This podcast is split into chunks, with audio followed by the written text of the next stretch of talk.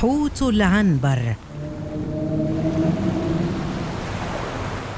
لعل حوت العنبر هو الحوت الأكثر شهرة على الإطلاق وخاصة بسبب مادة العنبر التي تفرز في جهازه الهضمي وهي لها استخدامات عدة طبية وغير طبية وعليه اكتسب حوت العنبر شهرته منها.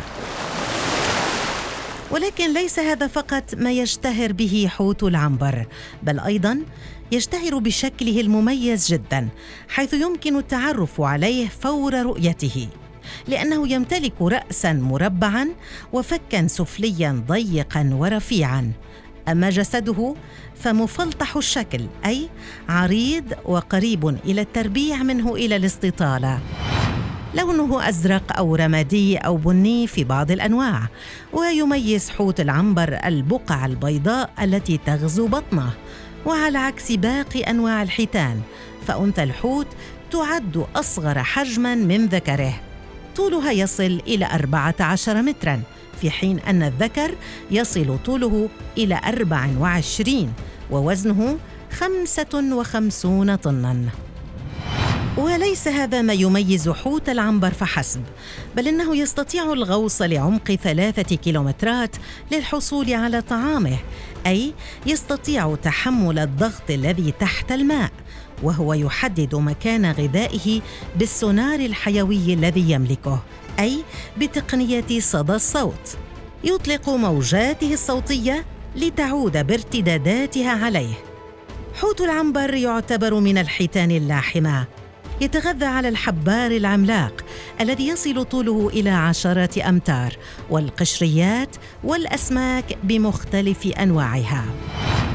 يعيش حوت العنبر في أغلب المحيطات الموجودة على الأرض ومع هذا يصعب التنبؤ بوقت هجرته.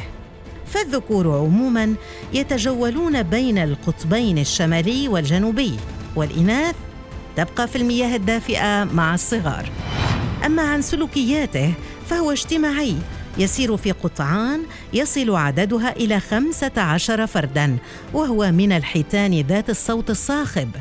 كما أن الذكور يمكن أن تنتقل من مجموعة إلى أخرى.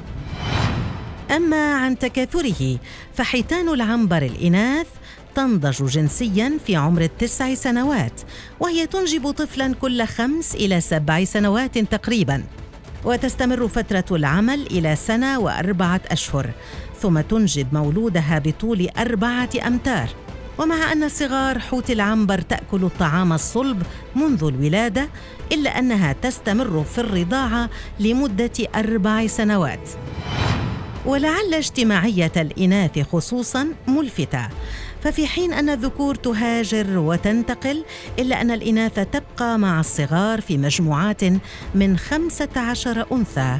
تبني روابط قوية وملفتة للنظر. لا تتنقل إلا سويا وتبقى في ذات المجموعة طوال الحياة. ونعم هذا الحوت مهدد بالانقراض بشكل كبير أو خطير. ففي الدرجة الأولى يتم اصطياده لاستخلاص مادة العنبر منه. وهو لا يعد فريسة لأي من المخلوقات الأخرى. وليس هذا السبب الوحيد فحسب بل إن قرب هذه الحيتان من الشواطئ المأهولة عرضها بشكل كبير لخطر التلوث والتسمم بمخلفات البشر. وعليه. قامت الجمعيات والجهات المسؤولة بسن قوانين تحد من انتشار التلوث في المناطق القريبة من أماكن تواجد هذا الحيوان الجميل جدا.